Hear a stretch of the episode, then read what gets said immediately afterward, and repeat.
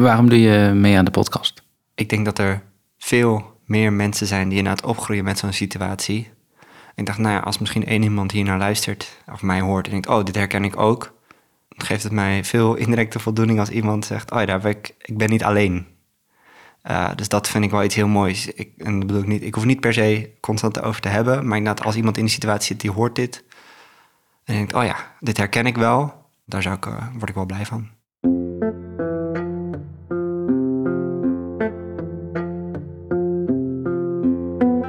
Ongeveer de helft van de Nederlanders heeft een chronische ziekte of aandoening. En een deel daarvan heeft ook kinderen. Hoe is het om op te groeien met een chronisch zieke vader of moeder? Hoe beïnvloedt dat je leven? Dat onderzoek ik in dit seizoen van de podcast Niet alleen ziek. Eerder maakte ik al een serie afleveringen met moeders en één met vaders. Nu praat ik vier afleveringen lang met drie kinderen van chronisch zieke ouders. Ik ben Maarten Dallinga en maakte deze podcast voor Stichting BNP, samen met Esmee Koeleman. Aflevering 4. Wat ik anders zou doen. Ik denk dat wij als gezin af en toe te weinig erover gepraat hebben. Hoe kijken Martijn, Tessa en Anne Frida terug op de manier waarop hun ouders om zijn gegaan met de ziekte in het gezin? En hoe kwam het dan, denk je, dat jullie er niet zoveel over spraken? Uh, redelijk gesloten houdingen allemaal. Daarover, we spraken wel over van alles hoor. En ook wel echt, dus niet dat we nooit diepere gesprekken hadden over dingen of zo.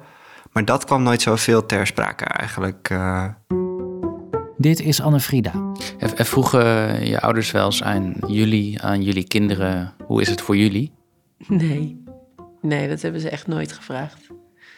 Nee, nee, ik weet niet of dat een... Uh geest der tijd is. Dat je dat gewoon niet aan je ouders. Dat ouders dat niet aan hun kinderen vroegen.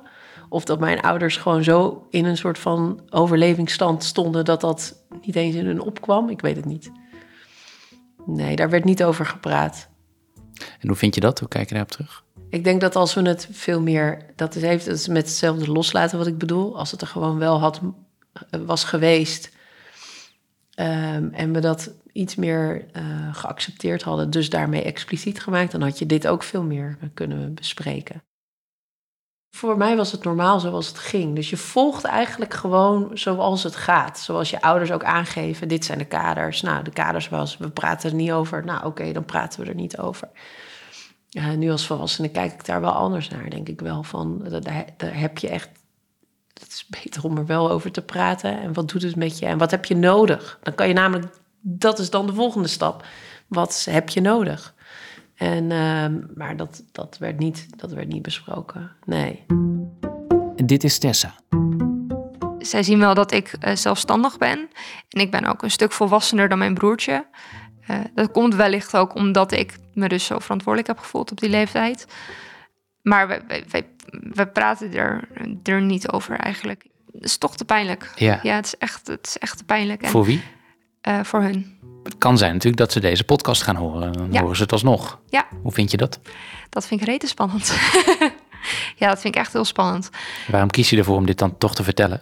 Uh, niet voor mezelf, maar echt voor de, de jonge mantelzorgers. Ik vind gewoon dat er, dat er meer aandacht voor moet zijn.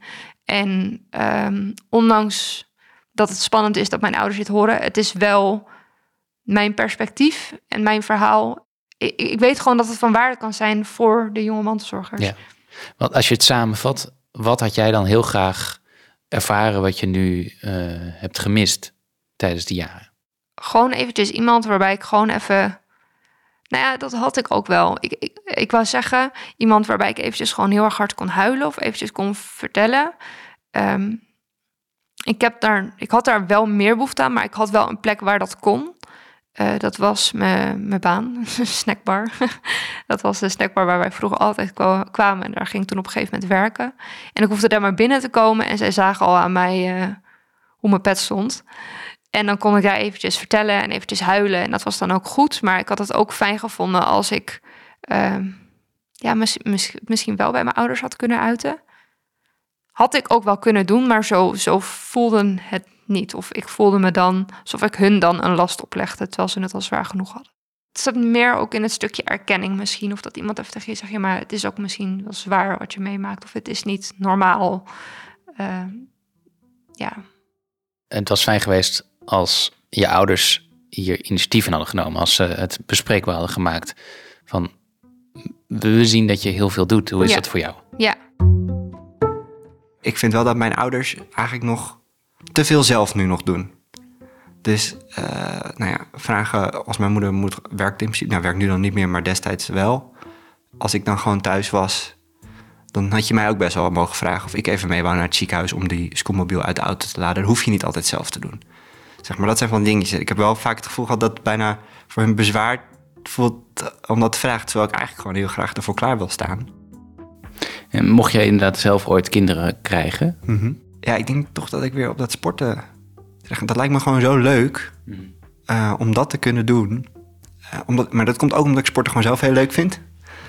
Uh, dus dat zijn van die dingetjes. En gewoon, ja, zoveel mogelijk eruit kunnen halen wat wel kan.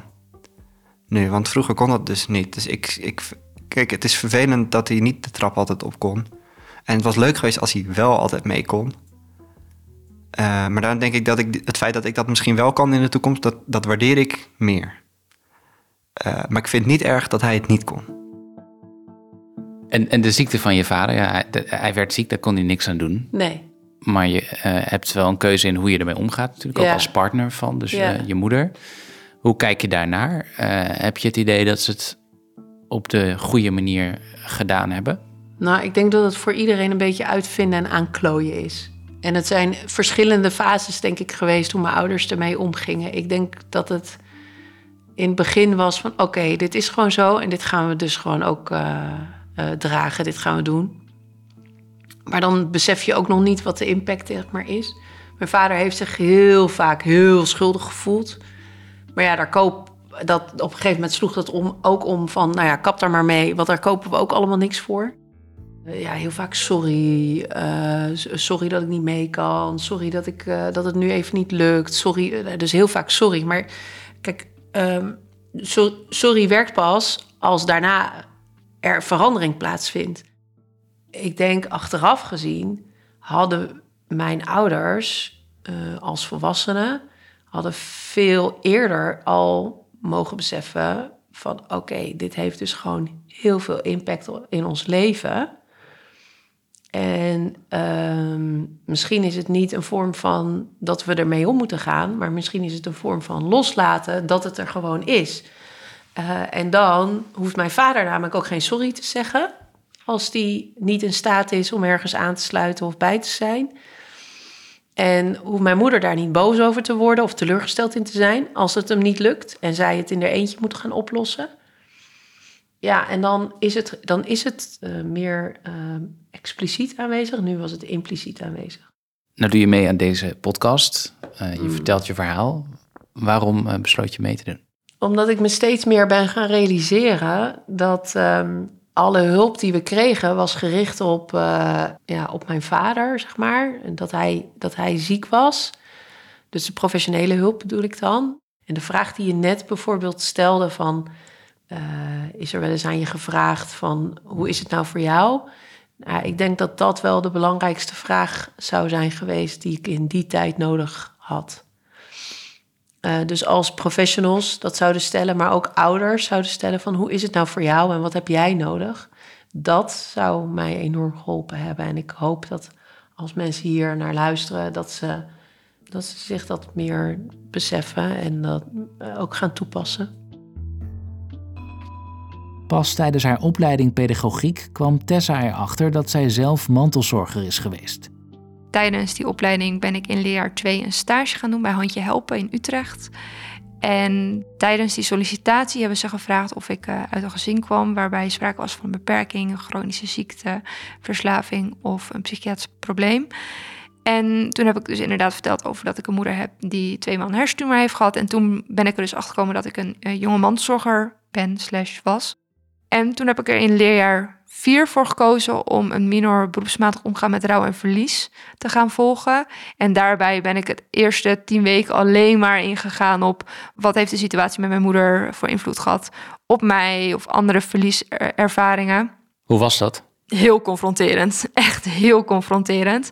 Want je gaat dan echt terug naar, uh, ja, wat heeft het met jou gedaan? Welke gebeurtenissen zijn gedaan? Hoe heb je je daarbij gevoeld? Dat, dat, was, dat was heel lastig. Ik lag toen ook niet heel erg goed in het contact met mijn ouders. Ik heb toen op een gegeven moment mijn leerverslag aan mijn moeder laten lezen. En daarin stond ook dat ik vanaf een bepaalde leeftijd heel erg zelfstandig moest worden. En dat vonden zij heel confronterend om te lezen, omdat zij nooit van mij hadden vernomen dat ik mij daar zo bij voelde. Maar aan de andere kant gaf dat ook wel heel veel rust. Door er nog een keertje goed en kritisch op na te kijken van hoe heb ik mij ervaren. En dat is goed, dat is voldoende. Uh, merk ik dat ik sindsdien eigenlijk wel veel meer vrede heb met wat er allemaal is gebeurd. Ik neem mijn ouders veel minder kwalijk eigenlijk dan wat ik jarenlang heb gedaan. Ik ben minder boos. Want wat, even, wat, wat nam je je ouders vooral kwalijk? Ehm, dat ik heb moeten zorgen en dat ik misschien niet de erkenning kreeg die ik graag had gewild. Of dat het voor ons ook zwaar was. In mijn omgeving hoorden wij heel veel van, ja, hoe is het met jouw moeder? Hoe is het met haar en hoe is het met je vader? Maar er werd eigenlijk nooit gevraagd van, goh, hoe is het nou voor jou? Wat voor invloed heeft deze hele situatie op jou? Er, werd gewoon niet naar gevraagd. Dus ja, je moest maar gaan met wat er gebeurde. En er was niet echt tijd om ja, ruimte voor jezelf te nemen, zoiets. En door die minor ben je er anders naar gaan kijken? Ja, en ben ik ook gaan inzien wat de invloed van die situatie op hun was, in plaats van alleen op mij. En dat het voor hun ook zwaar was. En dat, dat ze mij niet expres het gevoel hebben gegeven dat ik mezelf aan de kant moest zetten, bijvoorbeeld. Ja. Want mijn moeder die was ziek, die kon doodgaan. Dus die zat gewoon ook in een overlevingsstand. En mijn vader ook. En ik was gewoon heel erg goed in, in maskeren. En bij mij ging alles goed. Ik werkte, ik deed rijles. Ik had mijn rijbewijs ondertussen gehaald. Ik ging goed op school. Ik deed echt, ik presteerde echt heel goed. Maar mentaal ging ik echt heel slecht. Maar je bedoelt te zeggen, uh, dat konden mijn ouders misschien ook niet zien. Ja, ja. Maar je bent nu dus milder voor ze geworden. Ja. Ja, ja en ik snap nu dat, uh, dat de situatie zo was en dat zij gehandeld hebben zoals zij konden. Ook Anne Frida wilde gezien en gehoord worden. Dat realiseerde zij zich pas na haar burn-out. En als je zegt, ik was continu aan het overpresteren, dan denk ik al heel gauw, en dat deed je misschien ook om gezien te worden, omdat je vroeger thuis niet altijd werd gezien. Ja, dat is wel een andere dimensie van dat verantwoordelijkheidsgevoel of anderen tevreden maken. Is dat je jezelf inderdaad klein en ongezien maakt, zodat zij zich geen zorgen over je hoeven te maken. Anderzijds um, ja, wilde ik ook gewoon heel graag gezien worden. En wilde ik ook heel graag. Uh, en kijk, mijn, uh, achteraf denk ik dat mijn ouders, die zagen mij ook wel echt. Um, maar wat zij zagen was een meisje uh, die het gewoon heel goed deed. Dus daar hoefde je geen, geen zorgen over te maken. Daar hoefde je, ja, die gaf je een compliment. En ja, wat was er eigenlijk nog meer over te zeggen?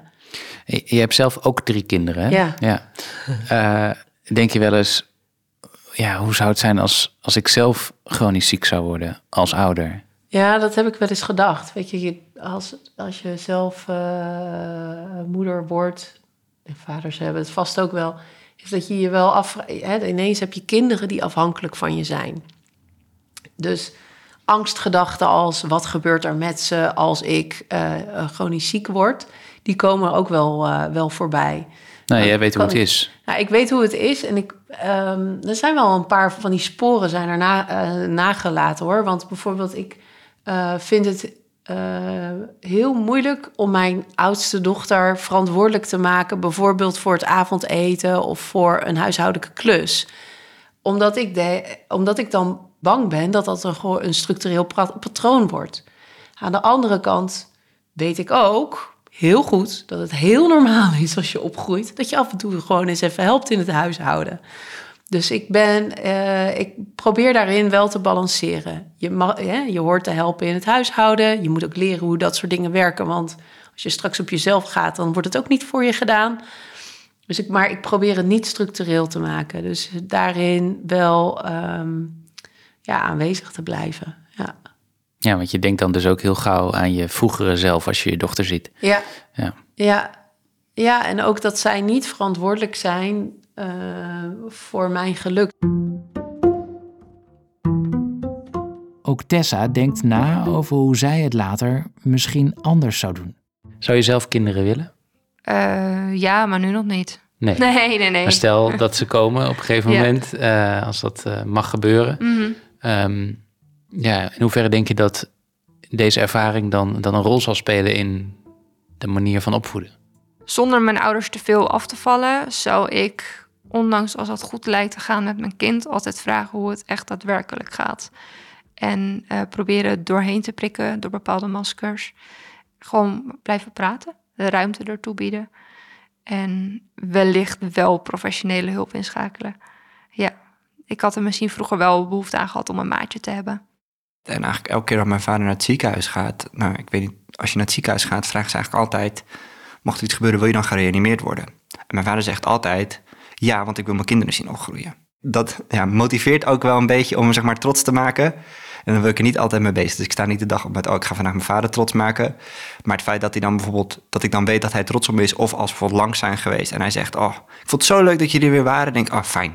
Zeg maar dat als iemand zo blij is om mij te zien, of als ik met mijn vriendin langskomt en hij zegt dat hij het echt heel leuk vond dat we er waren, denk ik, oh ja, dan maakt het me eigenlijk niet zo heel veel uit waar we het over gehad hebben, wat we hebben gedaan. Maar dat heeft voor mij al zoveel toegevoegde waar ik denk, oh ja, dat geeft gewoon een fijn gevoel.